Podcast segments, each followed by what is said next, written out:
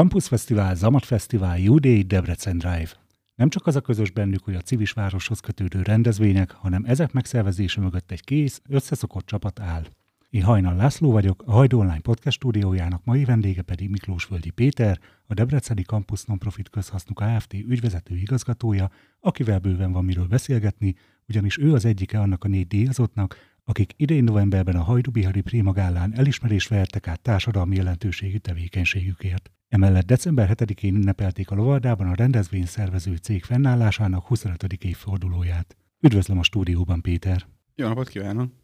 A Primadi átvételekor és a csütörtöki kampuszgálát követően elmondhatjuk, hogy valóban beérett egy negyed évszázados befektetett munka. Milyen érzés idáig eljutni?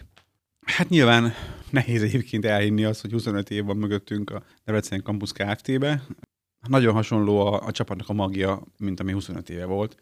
Rengeteg új, nagyon tehetséges és nagyon motivált kolléga csatlakozott hozzánk. Beszélgettünk erről kollégáimmal is, hogy nekünk az a különbség a régi csoportársaink és mi közöttünk, hogy uh, mi gyakorlatilag úgy érezzük, mint hogyha még mindig az egyetemre járnánk. Tehát nekünk nincs meg az érzés, amikor visszamegyünk az egyetemre, hogy hú, a régi szép idők, emlékeztek, hogy itt a díszudvar, meg minden napot fordulunk meg, jövünk, megyünk, tehát hogy nagyon folytonos, nekem meg pláne nagyon folytonos így az életem. Én nekem nem kellett soha önéletrajzot írni például, mert egyetemistaként elkezdtem gyakorlatilag ezt a fajta tevékenységet, 21 évesen, 20 évesen, és ez lett belőle. Nem is gondolkodtam azon, hogy máshol dolgozzak. Voltak ilyen-olyan, mondjuk az, hogy csávítások, meg keresések, de, de én nagyon szeretem ezt a világot, amiben dolgozok, dolgozunk, és azt hiszem, hogy egyáltalán nem unalmas munka, amit csinálunk. De a lelkesedés sem lankad? Megvan még a lendület? Azt érezzük, hogy már azért mi nem vagyunk puszívesek, tehát az egyértelmű, és ezért vannak körülöttünk olyan kollégák, akik viszont még 20 évesek, nagyon sokan, és ők tudják azt a szintet belevinni a munkánkba, azt a szint, azt a, az érzést, amit ö, lehet, hogy már úgy nem tudnánk. Nyilván eléggé, hogy mondjam, így fiatalosan gondolkodunk még szerintem, tehát, hogy de rosszul hangzik, hogy fiatalosan gondolkodunk. A fiatal korosztály az nekünk a munkánk része. Én több száz egyetemistával dolgozom együtt ma is, akár a vendilátásban, akár a rendezvényelőkészítő munkákban, tehát tényleg én úgy érzem magam, mint aki még, mint aki még nem jött ki az iskolapadból, nem jött ki az egyetemről. A Primagálán elhangzott, hogy a régi időkhöz hasonlóan a következő évtizedekben is azt fogják szem előtt tartani, hogy lehetne még inkább jó helyé tenni Debrecent. Ha kicsit játékosan elrugaszkodva a jövőbe tekintünk, milyen lehet a 2030-as Campus Fesztivál, vagy van erre valamilyen terv? Mi mindig csak valamilyen érzés mentén dolgoztunk, tehát mindig az volt a célunk, hogy az, amit elkezdünk, az jó legyen, az működjön, és én nagyon optimista vagyok egyébként a jövővel kapcsolatban. Pont tegnap este a 25 éves születésnapunkon éppen jövőről mondtam pár szót, és mi nagyon bizakodva tekintünk a jövőbe. Amikor 25 éve elkezdtük ezt az egész tevékenységet, akkor gyakorlatilag Debrecen tényleg egy, tényleg egy nagyon-nagyon szürke, igazi mezővárosi hangulatot árasztó, unalmas hely volt. Úgy érzem, hogy most vannak azok az évek, amiket szerettünk volna elérni mondjuk 25 évvel ezelőtt. Ez nyilván nem csak a mi munkánk, tehát szó sincs róla, de hogyha ezt hozzá tudtunk tenni, akkor ez egy nagy boldogság nekünk, mert nagyon jó a város jövőképe, nagyon élhető továbbra, és én nem félek attól, hogy nem lesz az a jövőben. Sőt, én azt hiszem, hogy egy olyan kulturális sokszínűség, egy olyan nyitott légkör alakulhat ki, ami az egyetem miatt egyébként Debrecenben már amúgy is jellemző. Én már egyébként azt a hangulatot, amit az egyetemben a sok külföldi egyetemista gyakorlatilag indukál. Tényleg úgy érzem magam sokszor ott a külföldiek által látogatott terekben, mint hogyha nem tudom, világ másik felé lennék 80 vagy 90 nemzetből vannak itt hallgatók, tényleg nagyon, nagyon érdekes a, az a sokszínűség. A jövőképünk azért pozitív, mert a Campus Fesztivál az valóban elért egy olyan pozíciót Magyarországon, hogy a Sziget Fesztivál után, ami nemzetközi pályákon van, mi vagyunk a legnagyobb létszámú fesztivál Magyarországon, legalábbis utóbbi két évben ez így volt, igaz? Ez nem biztos, hogy így fog maradni, de azon dolgozunk, hogy ne zuhanjon be a látogatottság. Ezen kívül nem szoktunk sokszor beszélgetni ilyen interjúkban arról, hogy a Debrecen Campus Kft. Alkalmazotti létszámának a jelentős része egyébként vendéglátásban, tehát konyhákon dolgozik. Nagyon sok éttermet üzemeltetünk az egyetemen, egyetem intézményekben, a kollégáim által, a felszerelésünk mennyisége által, meg a eszközeink mennyisége által. Most Debrecenben, a régióban szerintem mi vagyunk a, a legnagyobb kapacitású catering szolgáltatók. És ez is egy olyan fontos dolog, ami egyébként igazán napi, rendkívül feszült munkát igényel, és rengeteg kollégám, akinek nincsenek annyira reflektorfényben, mint a fesztivál szervező kollégáim, egyébként 365 napon keresztül nagyon-nagyon komoly munkát végeznek, és sok esetben én azt gondolom, hogy sokkal feszültebben kell nekik figyelni nap mint nap, hogy minden jó legyen, nagyon nagy hálával tartozom egyébként nekik, hogy ezt a munkát ilyen jól végzik, és ez a cégnek ad egy ilyen stabilitást, ami miatt például a struktúránk úgy tud kialakulni, hogy a fesztivál szervezés csapata, az sok esetben részben amúgy vendéglátásban is dolgozik, és fesztivált is szervez. Tehát a fesztiválnak a költségvetésébe nem kell mondjuk, nem tudom, 20 embernek egész éves bérével számolni. Nem is tudnám, hogy azért tegyük hozzá 20 ember egész éven kamusz fesztivált szervezni, hanem rengeteg olyan kollégám van, aki ilyen vendéglátóhelyen, olyan vendéglátóhelyen, esetleg konyhán vagy egyetemi klubban dolgozik, és a fesztiválon, vagy a Debrecen Drive-on, vagy azon a fesztiválon is teljesítményt ad le. És ennek köszönhető, hogy gyakorlatilag rentábilisan és sikeresen tudunk működni. Az egyik tavaszi interjúban úgy fogalmazott, hogy a gazdasági helyzetre való tekintettel nem célozzák meg a rekordlétszám elérését a kampuszon, mégis sikerült túlszárnyalni az eddigi jegyeladást. Ez már egy automata folyamat, vagy egyre több munkával jár egy fesztivál megszervezése? Nyilván vannak automatizmusok, tehát a rutin az azért mellettünk van, tehát a fesztiválon, hogyha mondjuk egy nagy színpadot már 11-ére kell letenni ugyanoda, akkor már nyilván tudjuk azt, hogy mire kell figyelni, mik azok a infrastruktúrális dolgok, amik esetleg problémát okozhatnak. Nagyon fontos mindig az áramnak a kérdése, nagyon fontos adott esetben a víz elvezetés kérdése, nagyon fontos a utak kialakítása, a mosdók, a vécék, hol jó letenni, hol nem jó letenni. Ez nyilván egy rutint ad nekünk, a növekedés gyakorlatilag az számunkra a Campus Fesztivál kapcsán már nagyon a, a végső stádiumban van, legalábbis ezen a területen, mert uh, idén is és tavaly is volt uh, sold autos, tehát teltházas napunk. Azt gondoljuk, vagy reménykedünk abban, hogy ez a következő évben is egyszer-egyszer meg fog esni. Egészen egyszerűen nem engedhetünk már be több embert, mert nem szeretnénk a szórakozás meg a rendezvénynek sem a minőségét, sem a biztonságát kockáztatni. Egyébként beszélgettünk már egy párszor arról, hogy a jövőben, hogy ez mennyire távoli jövőben, ezt még nem tudjuk, mert nagyon-nagyon sok mindentől függ. Azért játszunk azzal a gondolattal, hogy a nagy színpadot bevigyük a nagy erdei stadionba. De nyilván ez csak a várossal és a DVSC-vel egyeztetve lehetséges.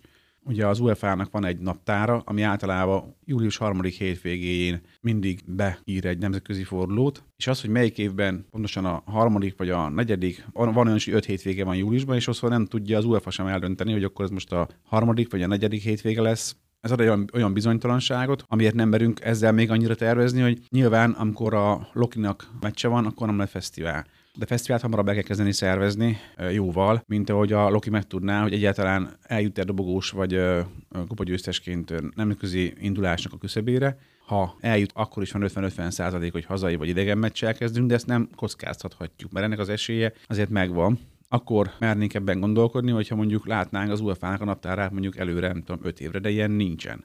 Pedig mindezek mellett, hogyha ezt mégis meg tudnánk lépni, az egy, az egy nagyon nagy lehetőség lenne a fesztiválnak, azt gondoljuk, de ahhoz előre kéne menni július második hétvégére, amikor már például van az EFOT Magyarországon, és van egy ilyen kialakult a szakmában egy, egy egyetértés arról, hogy egymás dátumaira nem kezdünk el rászervezni. Ez nekünk sem lenne egyébként érdekünk, mert van, aki mindkét fesztiválra adott esetben elmegy, de ugye csak a második hétvége lenne az, amikor biztosan nincsen nemzetközi forduló, meg, meg magyar bajnokság sem a stadionban tudnánk létszámot növelni, tudnánk sokkal komfortosabban egy nagy színpadot kialakítani, de ez csak egy ilyen álomkép egyenlőre, majd meglátjuk, hogy jövő mit hoz, ez tényleg nagyon sok mindentől függ még.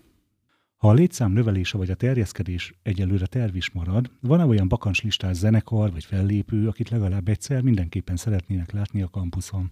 Hát rengeteg bakancslistás fellépő van, de a, a realitásokat mindig figyelme kell venni amikor azt kérik tőlünk a látogatók, vagy azt kérdezik tőlünk, hogy miért nincsen, nem tudom, Taylor Swift a kampuszon, vagy miért nincsen Coldplay, akkor mindig azt szoktam mondani, hogy azért, mert a Coldplay, az mondjuk jövő nyáron Magyarországon eladott átlagosan 50 ezer forintért három puskást. Ugye 50 ezer ember, kiszorozzuk, az 6-7-8 milliárd forint átbevételt képeznek. Ki lehet számolni, hogy miért jönne a Coldplay a Campus Fesztiválra, nekünk a kapacitásunk ugye egy, egyest az ilyen 30-35 ezer fő, hogyha azt a 6-7 milliárdot visszaosztjuk 35 ezerrel, akkor mondjuk lenne egy-egy 200 ezer forint. Lehet, hogy két millió, nem tudom, tehát brutál összeg lenne. Tehát, hogy lehetnek vágyaink, lehetnek álmaink, de nyilván nekünk olyan fellépő között kell keresgélni, akik reálisan megfizethetők, és nem véletlen van egyébként az, hogy a DJ-k azok, akiket meg tudunk hívni, és ki tudjuk gazdálkodni a költségüket, Lásd mondjuk Tiestót, vagy, vagy mondjuk Robin Schulzot tavaly.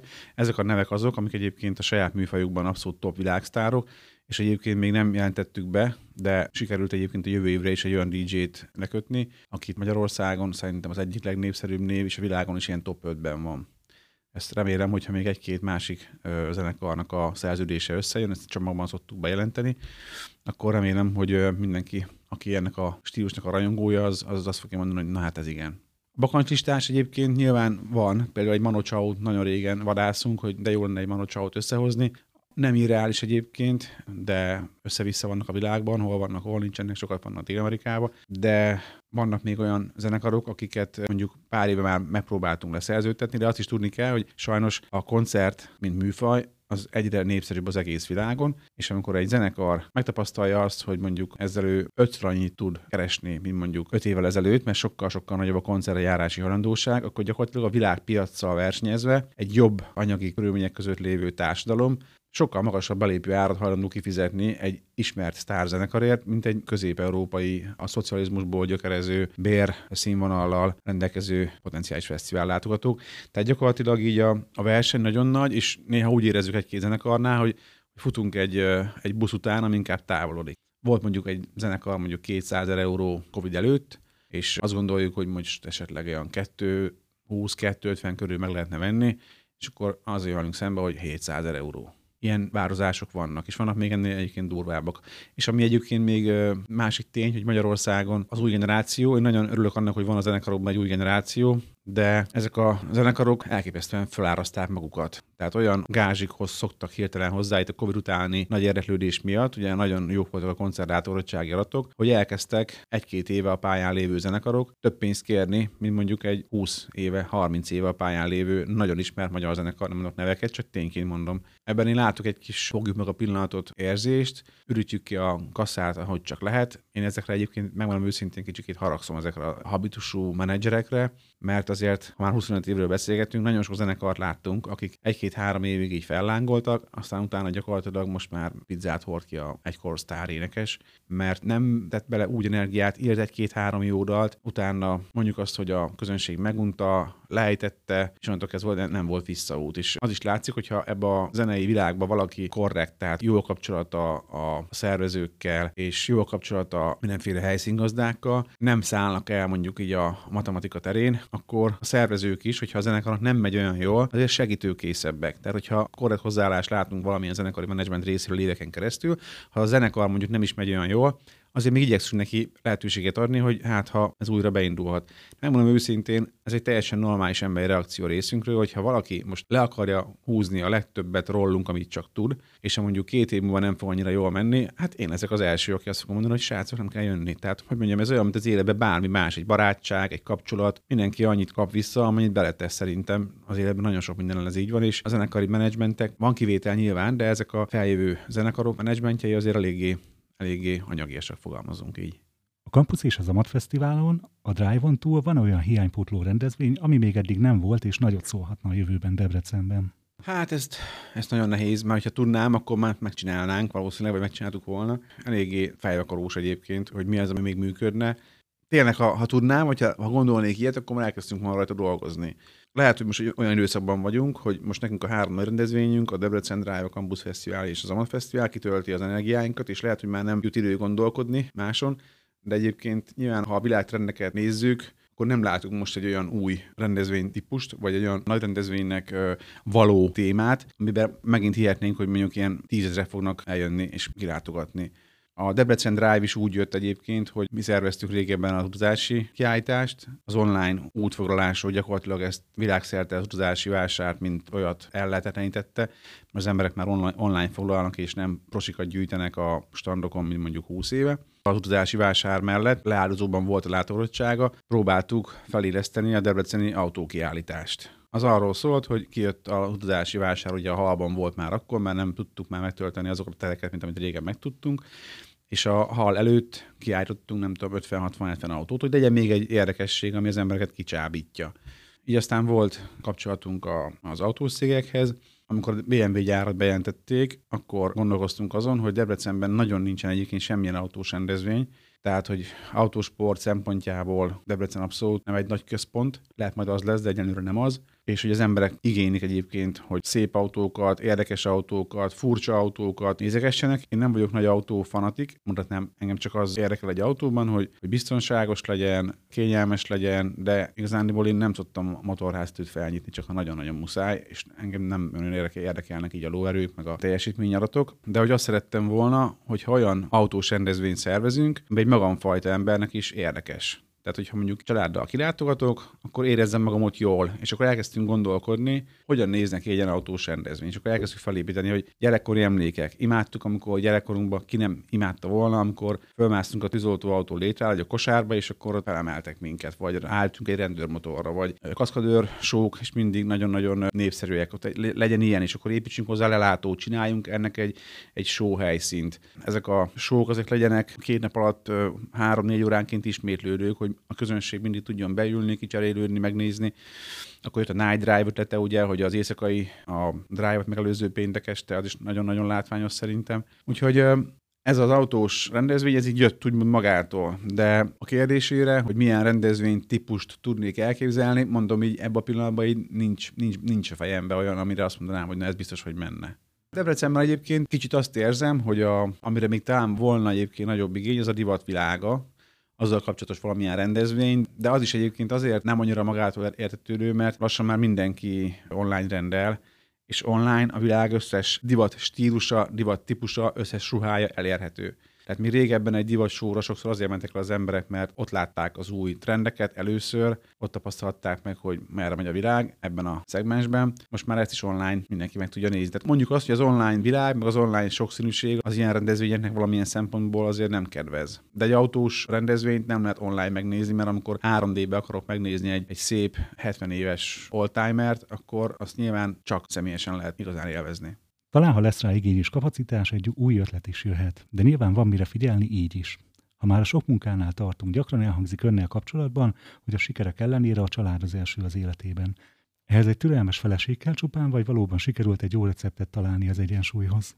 Hát nekem ez úgy, hogy mondjam, nem volt sose ilyen döntés kérdése, tehát nem döntöttem el, hogy na én akkor mindenképpen a család a munka helyezem. Ezek egymás mellett normálisan működnek, tehát hogy nyilván van egy elfogadó, megértő feleségem, nyilván van olyan, hogy már megint elmész, miért kell visszamenni, maradj már itthon egy kicsit, bár manapság egyébként, vagy mostanában egyébként ez nem annyira jellemző, hogy éjszaka például én a rendezvényeken ott vagyok. Nyilván el megyek rendezvényekre, meg egy fesztivál nyilván ott vagyok végig, de a fiatal kollégák ezt a fajta éjszakai üzemmódot egyébként elviszik. A cég szervezet úgy néz ki a struktúra egyébként, hogy ketten vagyunk úgy vezetők a Pállaci kollégámmal már nagyon-nagyon régóta, így egymást is tudjuk segíteni a munkánk során. Az, hogy a család fontos, hát szerintem azért alapvetően, ha az ember teheti, akkor a családjáért dolgozzon meg éljen. Tehát, hogy, így, hogy mondjam, ez bennem egy igény, tehát nem, nem arról szól, hogy most én ezt eldöntöttem, hanem jó volt látni gyerekeket felnőni, hogy uh, 16 évesek. Én nem szerettem volna ilyen apuka lenni, mint az amerikai filmekben, hogy mindig lekésik a gáláról, meg nem tud elmenni. És hál' Istennek így ilyen szempontból nem maradtam azt hiszem semmiről az ő életükben meg rengeteg élményünk van együtt, meg remélem, hogy mi lesz is.